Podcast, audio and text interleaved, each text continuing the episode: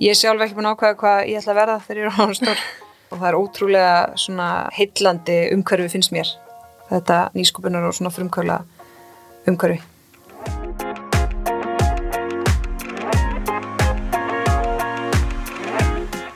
Það var ein kona sem ég langaði sérstaklega að fá í viðtalti mín og raunar svo mikið að ég svo gott sem satt fyrir henni. Það þurfti þó ekki mikið til að samfæra hana því um leið og ég náði tali að Þordísi Kolbrunu, ferðamála, yðnar og nýsköpunaráðherra á milli funda og þinghalds var hún til í slægin. Þetta er Nýsköpunarlandi Ísland með Þordísi Kolbrunu. Velkomin. Takk. Takk kærlega fyrir að, fyrir að koma og, og spjalla um mig. Sjálfsagt. Hérna, ég fann smá á netinu um þig sem við eigum samilegt Ok. þannig að mér langar að byrja því að spyrja þig út í það Okay. og það er að þú hefur ekki bara farið einu sinni í skiptinám, þú hefur farið tvísvar Já. hérna, hvernig var svo reynsla? Hún var ótrúlega lærdómsrík og góð, erfið í fyrra skiptið, hún var ekki erfið í setna skiptið, það var auðvitað eldri og svona, en þegar ég fór til Vínaborgar þá ég ákvaða þetta svona með frekar skömmum fyrirvara, bróðu minn hafi farið til bandaríkjana og fóreldri mín lögðu tölvurst upp úr því að við færum, svo skiptinu mig, um, og ég sapnaði fyrir, ég borgaði helmingin sjálf, sapnaði fyrir því og fóreldrar mínu borguðu helmingin. Ég ætlaði að fara, uh, mér langaði svolítið að fara til Ástralíu. Mamma sagði að hérna, ég mætti nú eiginlega ekki verða ástfangin í útlöndum að því hún vildi ekki festist þar. En ef ég skildi verða eða vil ég búi í landi sem ég færi til, þá væri svolítið erfitt eða væri í Ástralíu. Svo langaði mig að fara til Sviss um, og ég hafði lært frönsku í mentaskóla, eða lært, þú veist, tekið þess áfunga í frönsku, ég er kannski ekki mjög sleip. Um, það var orðið uppbókað þangað og hérna þá ætlaði ég að fara til nei, ég ætlaði að fara til Fraklands og það var uppbókað svo ætlaði ég að fara til Sviss en þar þurftum mér að vera í ár og ég ætlaði bara að vera í hálft ár þannig á endanum valdi ég Austuríki en svo ákvæði nú að vera í ár fyrst ég var að fara. Og allir sögðu að þú veist þetta tæki nokkra mánuð að venjast og svona og þá hugsaði ég ekki að fara að snúa við heim bara um leiður orðið eitthvað gaman. Um, þannig að ég hefði aldrei vilja skipta þessar reynslu út fyrir neitt. Þú veist ég held maður hafi fullorðnast tölvert og lært mjög mikið og, og hérna bæði svona standa á einn fótum og bara vera eitthvað staðar aðleitn einhvern veginn með, þú veist, ekki með baklandi sitt, þar áttum mér að, ég hef, ég meni, ég var hjá stórkostleiri fjölskyldu, þannig að þekkti ég þau ekki neitt þegar ég mætti, kunni ekki stakt orði í þýsku og mér fannst það alveg erfitt fyrst, sko, þú veist, ég fór alveg mjög ofta að skæla og fannst svona einhvern tilhugsunum að vera í 11 mánuði í burtu mjög erfið. Svo vandist það bara og hérna, svo var þetta bara ótrúlega gaman og ég ferðaðist mjög mikið, fór til allra landa hann í kring og þessum tíma var, það var auðvitað svona í góðari, þannig að þannig var efran sko 67 krónur eða eitthvað. Já, ok. Þannig að það var mjög auðvelt að, að hérna, eins og segi, fara í lestaferðir og, og hérna, skoða borgir í, í kringum uh, Östuríki og Vín. Þannig að þetta var svona, já, þetta mótaði mann rosalega mikið og hérna, og maður verður svona sjálfstæðari og örugari þótt maður hafi verið mjög lítill og einhvern veginn berskjaldæður svona fyrst. Nákvæmlega. Það eru alveg punktað þarna sem ég get tengt við. Já, ekki. Um, ein af svona mínum uppáhaldstilvitnunum eftir hana Vigdísi Fimboðdóttur sem sagði að ef að allir þjóðarleittógar og allir leittógar myndi fara í skiptinám þá væri heimurinn líklega betri staður. Já, ég held að það sé rétt. Auðvitað getur fólk hérna sótt sér sko reynslu og vísinni og þekkingu á öðrum menningarheimum og, og allt það með öðrum hætti en, en skiptinám er rosa góðlið til þess að gera nákvæmlega það. Þú fer náttúrulega, þú veist ekki ferðamæður, þú veist þú fer inn í samfélagið og þú býrð hérna á, inn á heimili og þú ferð í skóla þar sem að hérna, með nefendum og, og ert svona alveg, þú veist, það er ótrúlega margt sem að maður, já, lærir og, og, og, skilur. Og svo náttúrulega svona skiptinum að samfélagið, þú veist, náttúrulega með öðrum skiptinum sem að koma allstaðar að. Og ég egnaðist mjög góð vinkonu til dæmis frá bandaríkjunum og svo voru þarna krakkar frá bara svo mörgum löndum, þannig að ég held að já, það myndi auka skilning tölvert ef að allir leiðtóðar hefði farið í skiptinum, ég held að þetta sé bara mjög gott kót. Nákvæmlega. Og nú hefur mikið vatn runni til sjáa síðan þá, mm -hmm. margt búið að gerast. Getur svona sagt mér í bara stuttimáli frá svona þinni vegferð og kannski svona þeim áskorunum sem þú hefur þurft að takast á við í þínum ferli? Já, sko, ég fór uh, í fjölbreytskólan á Akranesi, þess að fjölbreytskóla Vesturlands á Akranesi og tók þarna þriðja árið út í Vín og kom svo heim.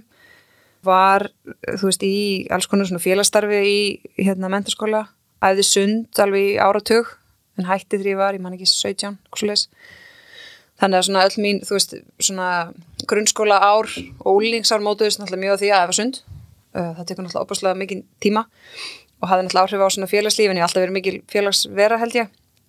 Og átt mjög svona góða og trösta vini svo fór ég í hérna uh, laganám í háskólanum í Reykjavík og ákvað það líka bara svona með tildela stuttum fyrirvara. Reyndi bara finni, þú veist, mér dreymdi aldrei um að verða eitthvað neinn dómari eða þú veist, standi skikju í, í hérna og verja fólk eitthvað svo lesið, var meira svona þú veist, ég hafði áhuga á þjóðfélagsmálum og, og pólitík og svona, já, eitthvað neina raukfræði og hafa eitthvað neina áhrif, þannig að ég ákvaði að pröfa lögfræði uh, og fannst hérna, fyrsta önnin fannst mér mjög erfið og hérna var ekkert við sem þetta væri eitthvað fyrir mig. En ákvaði nú að gefast ekki upp strax og svo fannst mér þetta bara ótrúlega gaman ótrúlega lært um síkt og hefur nýst mér náttúrulega mjög mikið.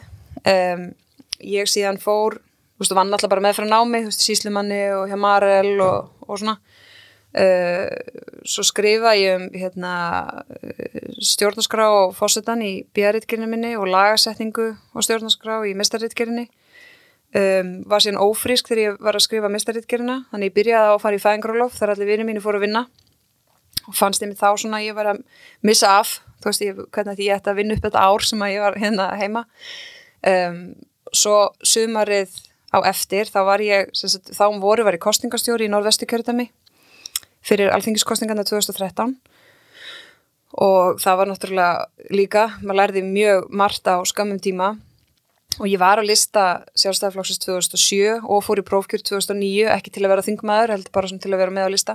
Svo var ég aftur þannig á lista líka 2013 og þá um sömarið var ég frangöldstjóri þingflokksins á þinginu. Og þar náttúrulega satt ég bara eins og ugla og reynda læra og skilja og allt sem ég gæti ekki lært á bókina í lögfræðinni.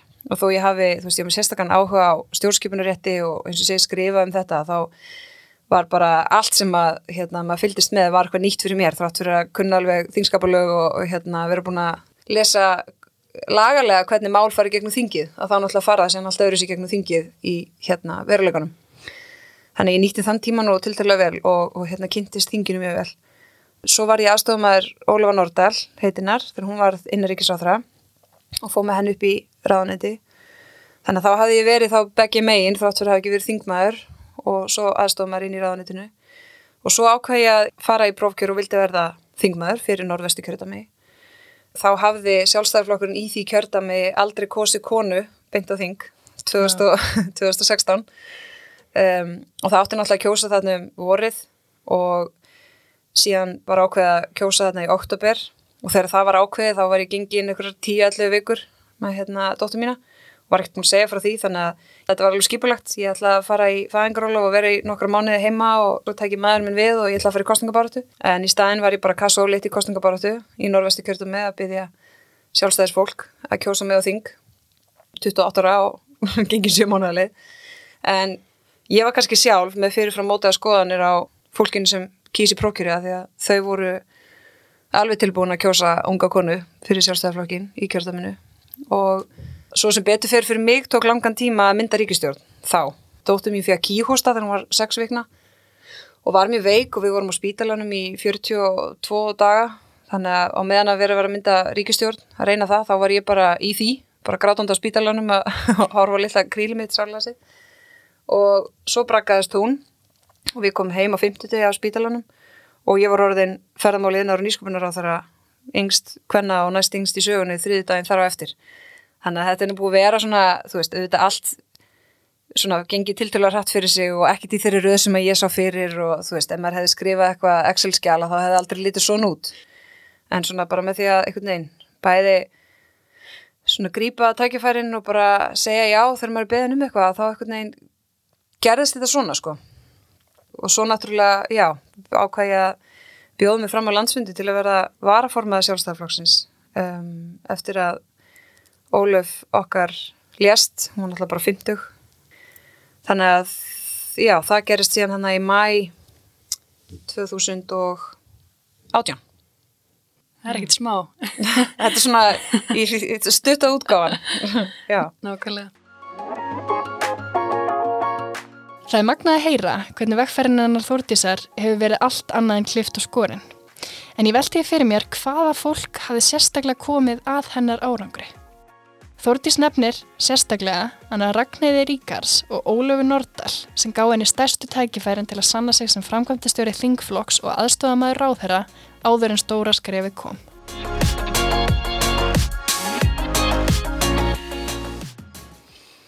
sko já, ég getur alveg talið upp ansi marga, ég menna ég ég tók sæti til þess í stjórn SÚS 2007 þá Borgar Þór Einarsson sem í dag er aðstofmaður auðverkisáþara, uh, spurði mig hvort ég væri til í það. Og ég ákvaða að slá til? Fólk í kjördaminu, ég menna það eru svona þú veist, eldri menn og skaganum sem að höfðu trú á mér og kvöttu mig til þess að sækist eftir ég að vera á lista. Um, Einar K.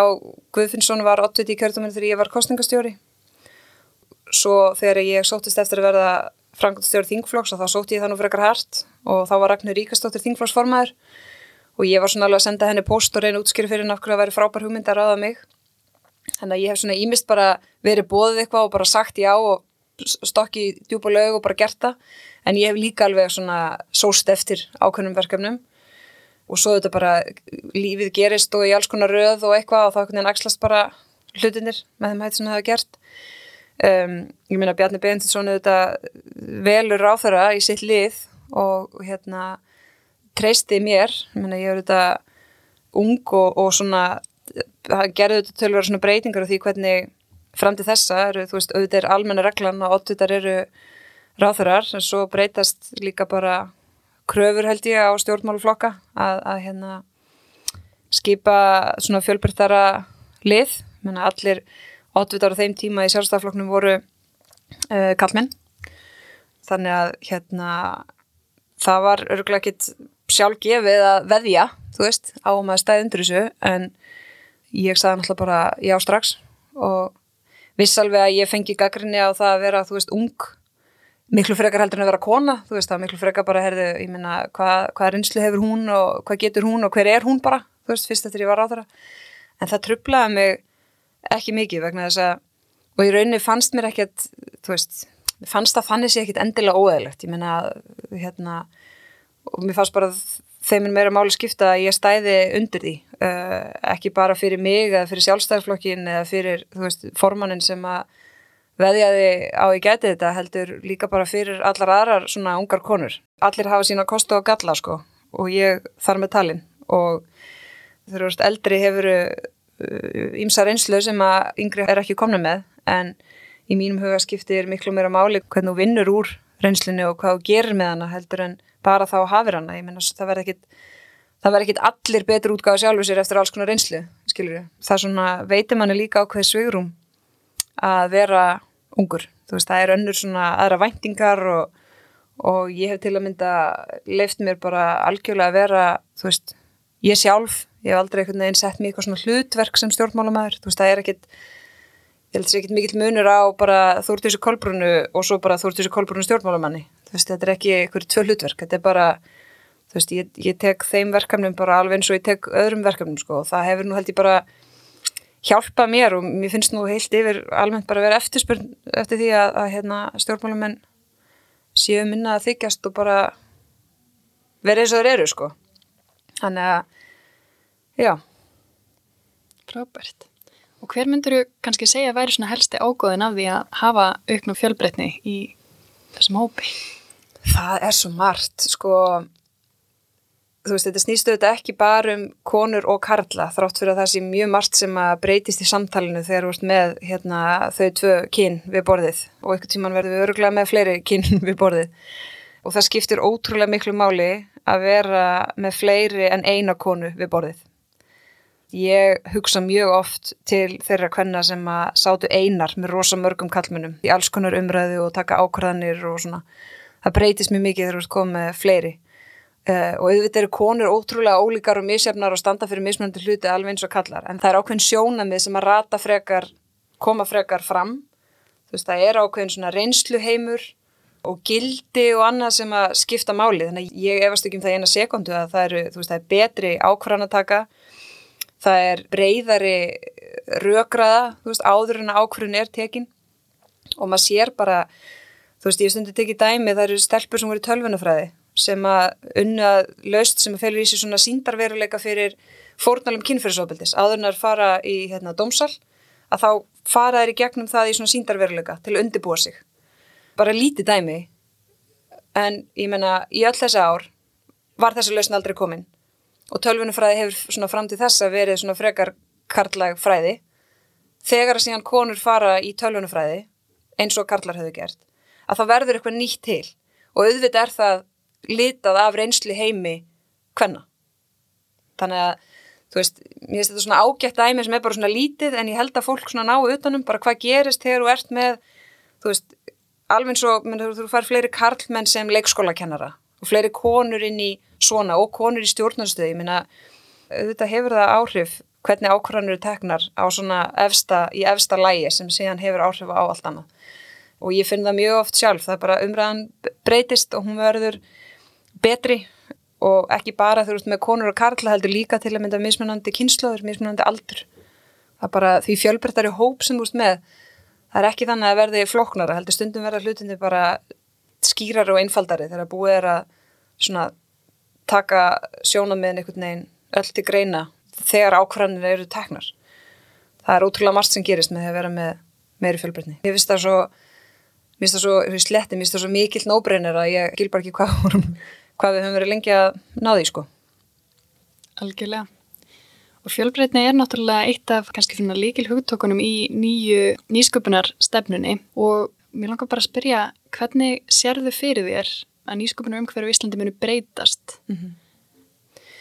Sko, nýsköpun er náttúrulega óbúslega svona breytt hugtak og þú getur verið með nýsköpun hjá hinn ofinbera í rótgrónum fyrirtækjum og svo þetta í nýjum hugmyndum og nýjum hérna, fyrirtækjum og sprótum og frumkvöla starf sem er drífur náttúrulega svona nýskupuna miklu leiti áfram. Um, ég held að þarna sé líka ákveður svona tækifæri til þess að jafna þess leikin. Uh, við höfum svona einhverju leiti tækifæri til þess að byrja upp á nýtt stundum þegar þú ert í þessu umhverfi maður sér að þessi frumkvölufyrirtæki og þessi sprótar sem að verða síðan sumir stórir og, og verðmættir og það er svona leið til þess að fleiri konur séu stjórnundur þessar fyrirtækja og líka bara hagnist á hugmyndum sínum og þar að leiðandi sitji á meira fjármagni og hvað sem fólki kann að finnast um það að þá bylgir fjármagni völd og það skiptir máli að það sé ekki bara í svona miklu meiri hluta karlmenn sem fara með fjármagn. Það bara skiptir máli að konur fari líka með fjármagn og það er, í dag er það ennþá þannig að þráttur við sem með í stjórnum konur að þá eru við ekki með marga fórstjóra og konur fara ekki með mikið fíi í samburði við kallmenn svo getur verið alls konar ástæður fyrir því sögulegar og menningarlegar og áhættisækni og ábyrðarskipting á heimilum og allt þetta. En hérna við finnst veist, þetta umhverfið svona svolítið tækifæri til þess að gera hlutina þess öðru sem heldur við um gert síðast 200 ár. Og mér finnst það mjög jákvæmt og mér skipta máli að við séum með þú veist augun á þeim bolta. Þegar við erum að horfa hvernig þessi geiri þróast þú veist það er alveg svolítið óhugnulegt hvað tækni mun hafa mikið að segja og hversu mikil áhrif hún mun hafa á bara hegðun okkar og ákvarðanatöku og hvernig við sjáum heiminn og hvað við verslum og hvað við gerum. Og það þarf líka að vera með þau glerugu þegar kemur því að tæknin sé líka hlutlus þegar kemur að kynjum og hún er það ekki í dag. Og ég held að sé mjög verðuft verkefni að reyna að tryggja að hún sé svona hlutleysari þannig að ég, þessi, ég held að sé bara svolítið tækifæri til að gera eins og segi hlutina þessu öðru sér heldur en við höfum gert og svona hvetja konur og valdeflar til þess að taka slægin og taka sjansin, stopna fyrirtæki og fjárfesta og, og svona þannig að nýskopin stefna gengur líkur inn út á bara það að sköpunarkraftur einstaklingsins er bara mikilvægast að uppspretta nýsköpunar og það jæmt við um kallar og konur og önnur kyn. Algjörlega.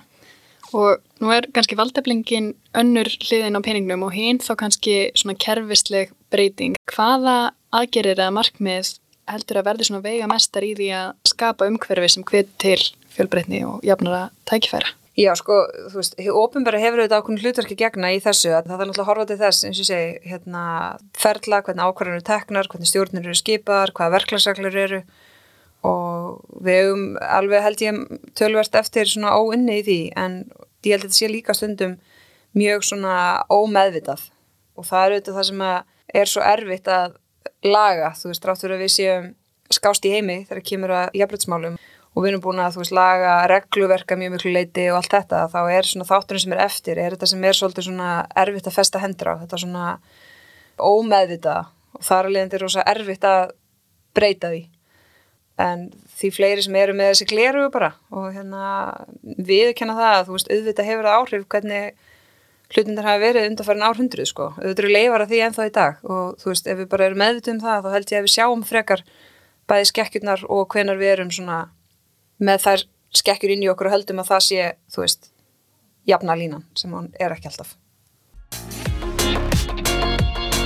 Þórtís hefur talað fyrir því að þurfa að breyta orðuræðinni og staðalýmyndum sem tengjast frumkvölum svo að börnum geti dreymt um að vera frumkvölar rétt eins og þeim dreymir um að verða kennarar, hjúkurnafræðingar eða rafvirkjar. En hvernig búum við til umhverfi þar sem þetta er raunin? Auðvitað með fleiri bara fyrirmyndum að þá gerist það, þú veist að það verði svona eðlæri tilhugsun fyrir stelpur og svo bara fyrir bara krakka, þú veist að alltaf verða frumkvöld. Við þurfum náttúrulega viðukenna og svolítið lifta upp svona eiginleikum frumkvöla, sko frumkvöla starfsemi, þú veist henni fylgir mikil óreða, þú veist mikil áhætta.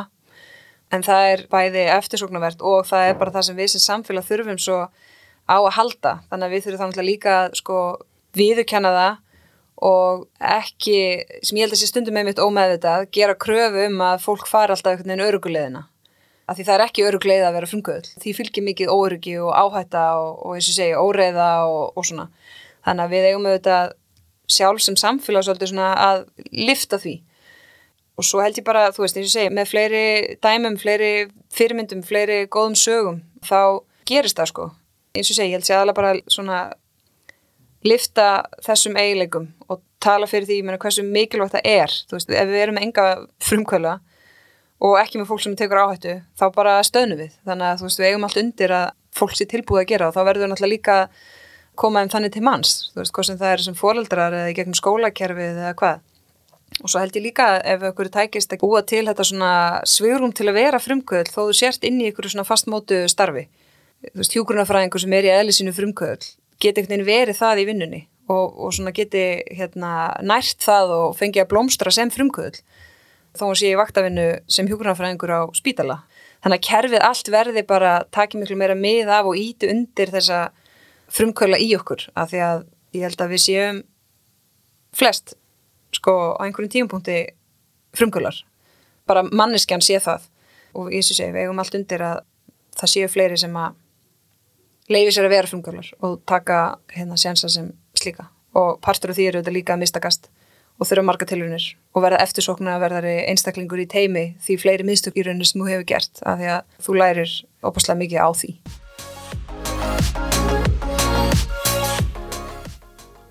Nýsköpunarlandið Ísland 2030, hvernig myndið þú lýsa hlý? Það er samfélag sem er með hátt hlutfall svona þekkingagreina starfa sem reynir á þekkingu fólks. Það er land það sem umhverfi er þannig að ef einstaklingur leggur það fyrir sig að stopna fyrirtæki og fá góða hugmynd að hann hafi möguleika til þess að byrja, sækjum í sjóði og ef hugmyndin er góða þá fær hann séns þannig að fjármögnur umhverfi sé þróskara en það er í dag. Að það séu margar dýr svona opnar fyrir þetta fólk fleiri erlenda sérfræðinga sem að vilja búa á Íslandi land þar sem að störfa án staðsetningar er, er svona frekar megiregla heldur en undantekning sérstaklega geirum þar sem að það er vel mögulegt. Þar sem úr með öfluga frumkvöla og sérfræðinga út um all land ekki þannig að þeim finnist þau þurfa að búa í, í Reykjavík til þess að geta einhvern veginn sýnt því, heldur geta alveg verið bara eitthvað staðar. Stikisólmi eða Ísafyrði eða Vopnafyrði eða hvað með sína hérna, tölvu og, og geti tengst bæði allir landinu og umheiminum. Af því að landi allt er með svo, þú veist, gegja innvið, ég minna það er enginn segja mér að sé ekki sérstaklega svo núni gegnum þetta COVID-rugg sko, að það sé ekki fólk sem að býri útlöndum búið fast í, þú veist, íbúðinu sinni, lillu blokkar íbúðinu sinni eitthvað staðar bara í marga, marga vikur. Til þess að það geti bara búið eitthvað staðar á Húsavík og, þú veist, fara á kajak og borgað 35 skall fyrir barnið sitt á leikskóla talandum til dæmis jafnbryttsmálu stöðu kvenna, ég menna fyrir ungar konur sem vilja bæða eiga börn og frama það er ekkit mörg lönd, ég held sér ekkit land betur en Ísland í því sko. Þannig að það væri svona, já, fjölbreytt samfélag þar sem að fólk getur búið hver sem er þar sem að við leggjum áherslu á þekkingagreinar, þar sem er öll flóran af frumkvæla fyrirtækjum, sprótum, meðalstórum og stórum fyrirtækjum, fólk svona er óhætt við að skiptum starfsvettvang þar sem að nýskupun er miklu meiri hjá hennu ofinbæra heldur hún er í dag, þar sem að farvegurinn er mjög skilvirkur og skýr hvernig hún kemur með lausnir inn í hið ofinbæra til þess að svona bæði við getum bara staðið vörðum þessu ofnbæru kerfi sem okkur er andum og þannig að þjónustan batni og, og við getum lækka kostnaði leðinu vegna þess að óbreytti getum við ekki staðundur og þetta er, það er bara, það er bara staðan. Þannig mínum huga er, er sko nýsköpunarlandi Ísland, það er í rauninni eitt er að vilja hafa umhverfið þannig að við getum gert okkar allra besta til þess bara fjölka störfum, eftirsoknaverðum störfum, verðmætasköpun, gjaldiristekjum og þessu, en svo er bara hitt að við séum samkemshæft samfélag og svona mest upplugt velferðarkerfi getum staðið undir því með því að stór auka nýsköpun inn í þessum kerfum.